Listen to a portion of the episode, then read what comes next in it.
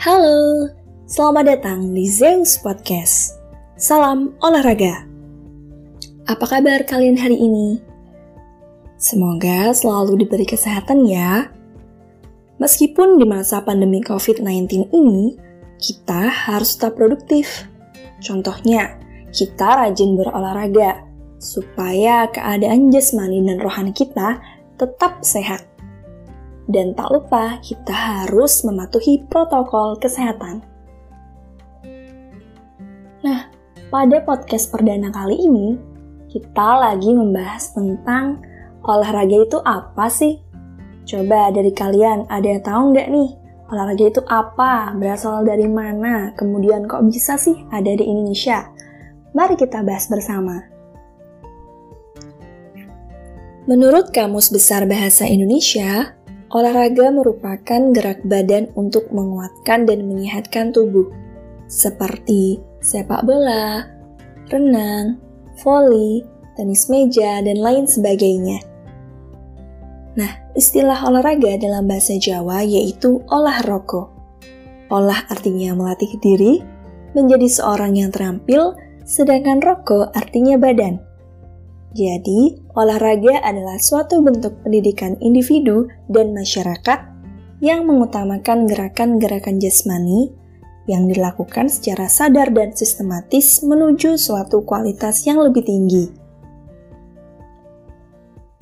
Nah, kata sport berasal dari bahasa Latin, yaitu desportare atau deportare, dan dalam bahasa Itali deporte, yang artinya penyenangan, pemeliharaan, atau menghibur untuk bergembira.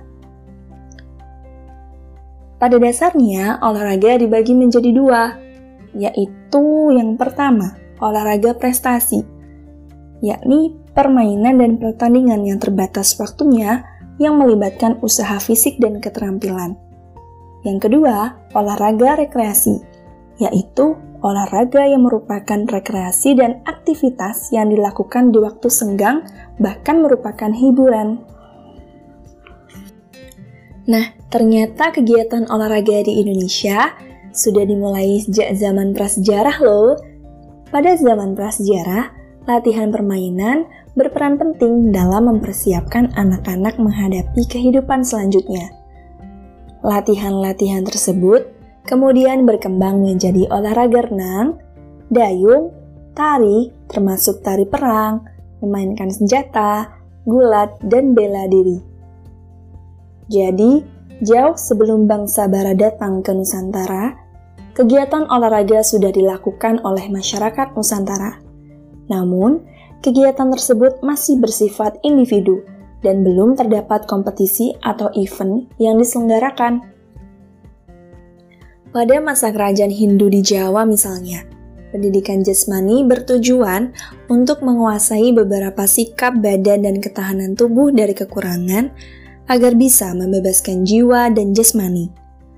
Kegiatan tersebut diberikan kepada golongan Brahmana, sedangkan untuk kasta kesatria mendapatkan pendidikan jasmani yang erat hubungannya dengan kedudukan mereka sebagai kasta yang menguasai pemerintahan, yaitu kemiliteran, berburu, menunggang kuda, berlayar, menggunakan senjata tajam seperti gada, tombak, dan busur.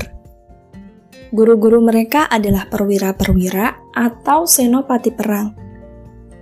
Sementara tarian serinak diberikan juga sebagai pelengkap dalam upacara keagamaan.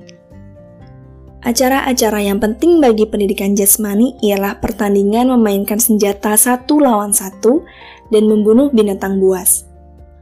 Parade ketentaraan yang diadakan setahun sekali di ibu kota bersamaan dengan penyerahan upeti dari raja-raja bawahan. Berbeda dengan masa kerajaan Hindu-Buddha, pada masa kerajaan Islam di Jawa, olahraga bertujuan untuk mempertahankan diri cukup berkembang pesat. Selain untuk mempertahankan diri, pendidikan ini digunakan sebagai sarana rekreasi. Pada masa kerajaan Islam, pendidikan jasmani diberikan di tempat-tempat ibadah atau pesantren, dan inilah yang menjadi cikal bakal munculnya pencak silat. Berdasarkan bukti-bukti yang ada, olahraga modern muncul bersamaan dengan kedatangan orang-orang barat di Nusantara. Di kalangan penduduk Bumi Putra, selain olahraga tradisional seperti permainan senjata, tari-tarian, bela diri, dan lain-lain, beberapa cabang olahraga modern mulai dilakukan oleh penduduk setempat. Pada awalnya, olahraga-olahraga atletik seperti renang, tenis, korfball, dan sepak bola hanya berkembang di lingkungan orang barat dan timur asing. Baru pada perkembangan berikutnya, diikuti oleh penduduk bumi putra. Nah, Ternyata olahraga atletik banyak menarik perhatian pelajar-pelajar di sekolah lanjutan karena sering dipertandingkan dalam acara sekolah dan kejuaraan-kejuaraan. Militer Belanda ikut menyebarkan atletik melalui anggota-anggotanya di kota-kota seperti Batavia, Bandung, Semarang, dan sebagainya. Cabang atletik yang sering dipertandingkan yaitu jalan, lari, lempar, dan lompat. Selain itu, sering pula diadakan pertandingan Camp atau panca lomba dan Camp atau dasa lomba. Selain atletik, renang juga berkembang di Nusantara. Pada saat itu, wilayah-wilayah tertentu telah mempunyai kolam renang. Tetapi, bangsa Bumi Putra tidak bisa belajar renang di tempat itu karena selain ada larangan dari pihak Belanda, namun harga karcis yang terlalu mahal. Oleh karenanya, renang hanya dikembangkan oleh atlet-atlet renang Belanda yang tergabung dalam Netherlands Indices Zwembond atau NIZB. Perkembangan macam-macam permainan di Indonesia diikuti juga dengan perkembangan peralatan dan perlengkapan serta aturan cara bermain. Hal tersebut tentu mempermudah orang dalam menguasai dan mengembangkan kemampuan mereka untuk berolahraga sesuai dengan minat dan kebutuhan masyarakat.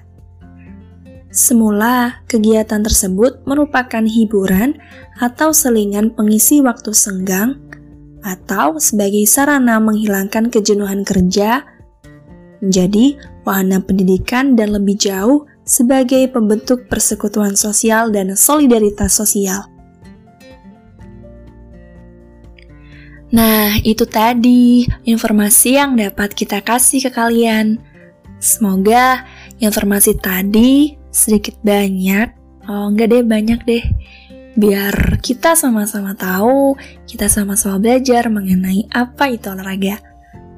Nah, kita juga mau ngasih tahu nih moto dari UKM Ozeus, yaitu olahraga adalah raja dan gizi adalah ratu. Gabungkan keduanya, maka Anda akan mendapatkan sebuah kerajaan. Nah, itu moto dari UKM Ozeus. Oke, terima kasih sudah mendengarkan dan sampai jumpa di Zeus Podcast selanjutnya.